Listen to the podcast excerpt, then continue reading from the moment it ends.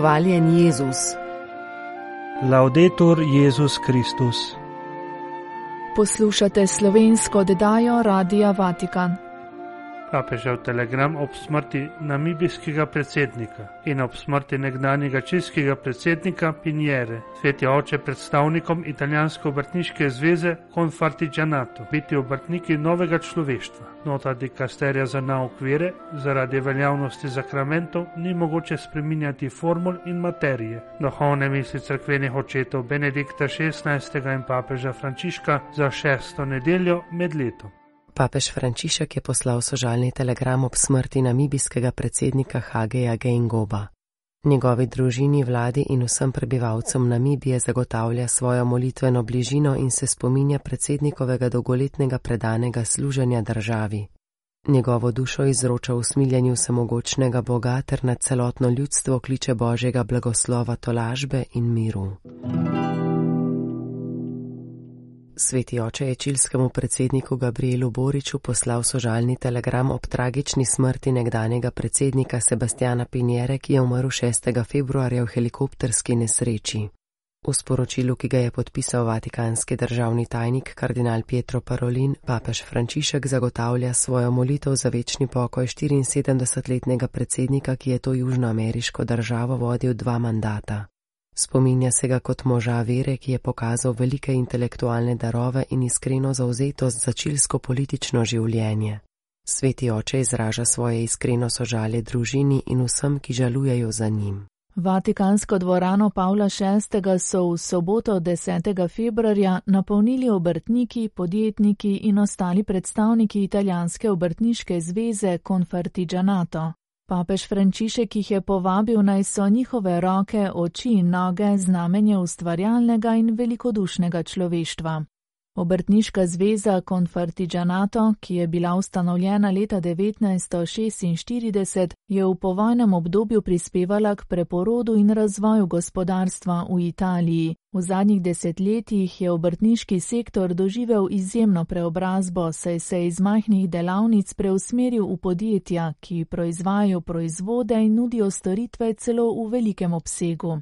L'uso delle tecnologie Uporaba tehnologij je možnosti sektorja povečala, vendar je pomembno, da te tehnologije ne bi na koncu nadomestile domišljije človeka, ustvarjenega po božji podobi in podobnosti. Stroje replicirajo tudi z izjemno hitrostjo, medtem ko ljudje izumljajo. Vaše dejavnosti izpostavljajo vrednost človeške iznajdljivosti in ustvarjalnosti, je dejal sveti oče in v nadaljevanju govora njihovo delo povezal s tremi deli telesa - rokami, očmi in nogami. Z ročnim delom obrtnik postane soudeležen pri božjem ustvarjalnem delu, Izdelovanje ni isto kot proizvajanje, saj uporablja ustvarjalno sposobnost, ki zna povezati spretnost rok, gorečnost srca in zamisli uma.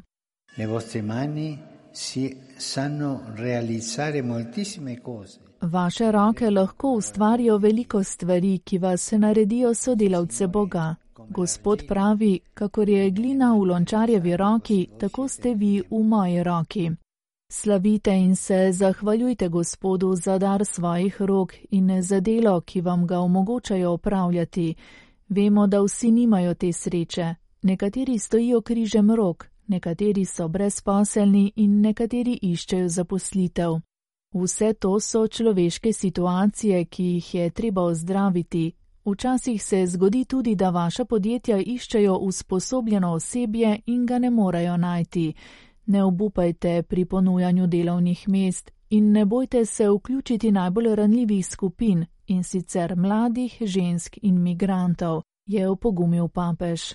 Zbranim se je zahvalil, da pomagajo pri rušenju zidov izključevanja do hudo invalidnih oseb ali oseb, ki so postale invalidi zaradi nesreče pri delu, do ljudi, ki ostajajo na obrobju in so izkoriščani. Vsaki osebi je treba priznati dostojanstvo delavke in delavca. Nikoli ne pristrižimo krile sanjam ljudi, ki želijo z delom izboljšati svet in svojimi rokami izraziti sami sebe. Obrtnikovo delo je poleg rok povezano tudi z očmi, torej s pogledom.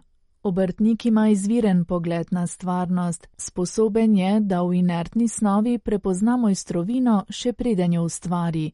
Kar je za druge blok marmorja, je za obrtnika kos opreme, kar je za druge kose lesa, je za obrtnika violina, stol ali okvir.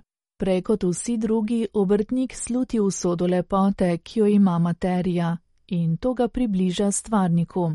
Papež je zatrdil, da je v Markovem evangeliju Jezus imenovan tesar. Božji sin je bil obrtnik, svoje obrti pa se je naučil pri svetem Jožefu v delavnici v Nazaretu. Več let je živel med obliči, dleti in mizarskim orodjem. Naučil se je vrednosti stvari in dela. Potrošništvo je razširilo miselnost uporabi in odvrzi, toda stvarstvo ni vsota stvari, ampak je dar, je radostna skrivnost, ki jo zremo z veseljem in hvalnico. In vi, obrtniki, nam pomagate, da imamo drugačen pogled na stvarnost, da prepoznamo vrednost in lepoto materije, ki nam jo je v roke položil Bog. Tretji papežev poudarek so bile noge, ki jih je povezal s priliko o dobrem Samarijanu.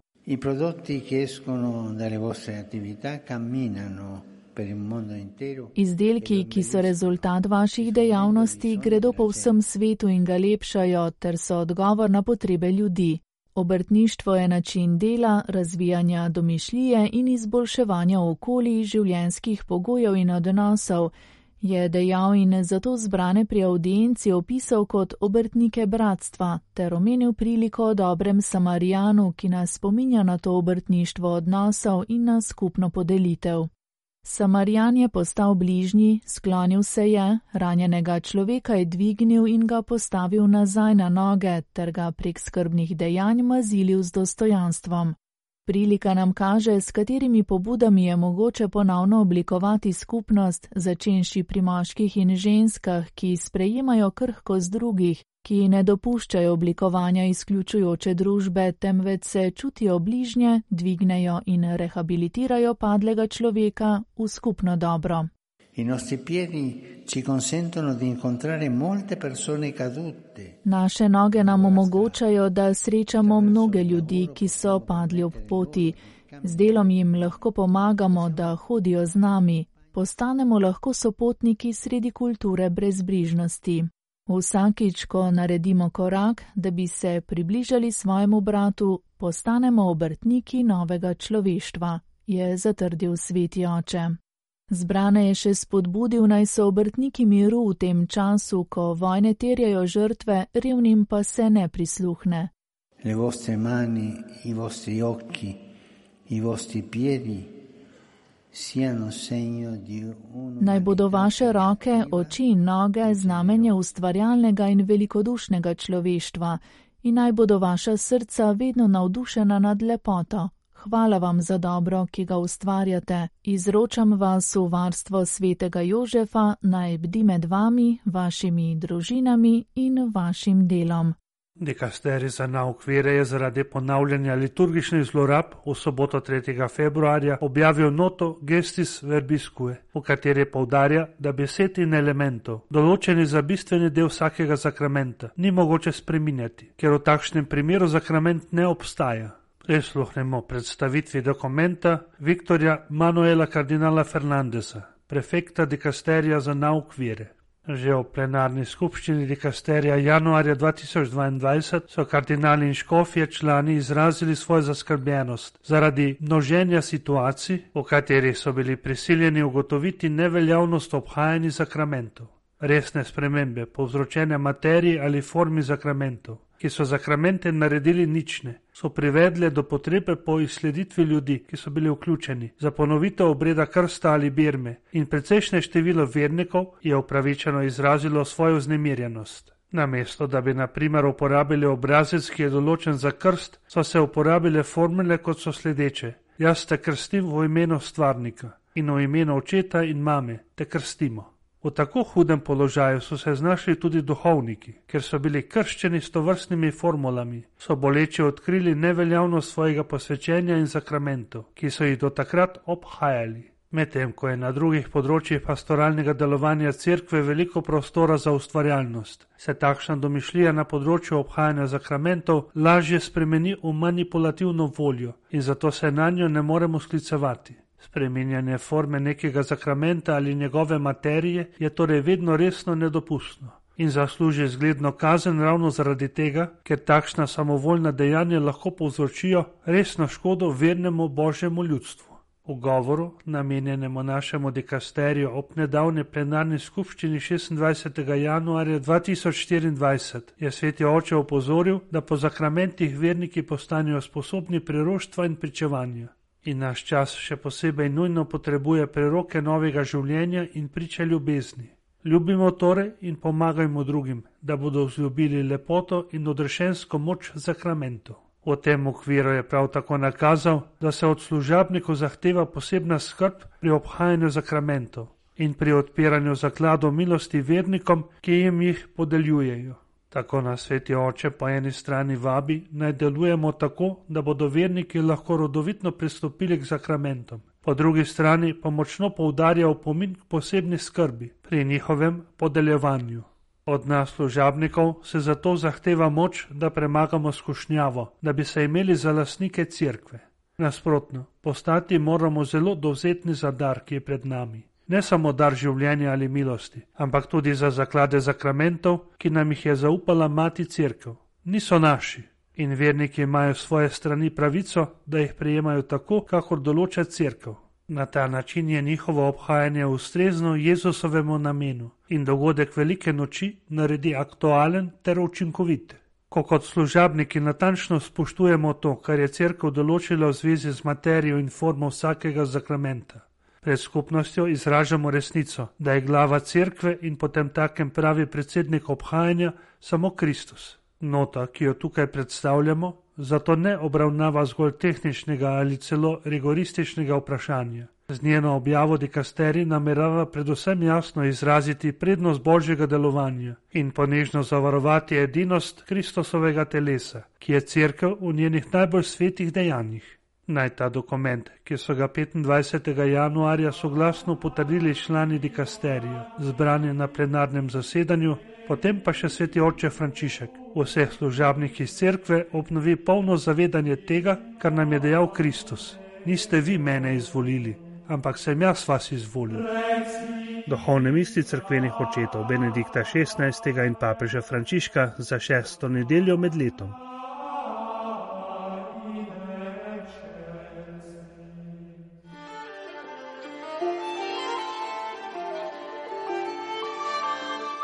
Prvo berilo je iz tretje Mojzesove knjige, 13. poglavje, od prve do druge vrstice in od 44. do 46. vrstice. Gospod je govoril Mojzesu in Naronu, rekoč: Če ima kdo na koži oteklino ali izpuščaj ali pego, iz katere se lahko razvije rana gobavosti, ga bodo pripeljali k duhovniku Aronu ali k kateremu od njegovih sinov duhovnikov je mož gobav, nečist duhovnik naj ga razglasi za nečistega. Gobavec, ki ima na sebi bolna mesta, bo nosil pretrgana oblačila, imel razmršene lase, zakrito brado in bo klical: Nečist, nečist. Vse dni, dokler je bolan, je nečist, nečist je. Prebival bo ločeno, zunaj tabora bo njegovo bivališče. Drugo berilo je iz prvega pisma apostola Pavla Korinčanom, deseto poglavje, od 31. vrstice do 11. poglavja prve vrstice. Če torej jeste ali če pijete ali delate kaj drugega, vse delajte v božjo slavo. Bodite brezgrajni, tako nasproti judom kot grkom, kot božji cerkvi. Kakor tudi jaz skušam vsem vse ugoditi in ne iščem svoje koristi, ampak korist mnogih, da bi bili rešeni. Moji posnemovalci postanite, kakor sem tudi jaz, Kristusov. Evangeljski odlomek je iz Markovega evangelija, prvo poglavje, od 40. do 45. vrstice.